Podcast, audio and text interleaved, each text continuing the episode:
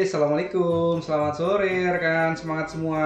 Selamat datang di podcast pertama di Indonesia yang membahas tentang dunia HR eh, atau dunia SDM.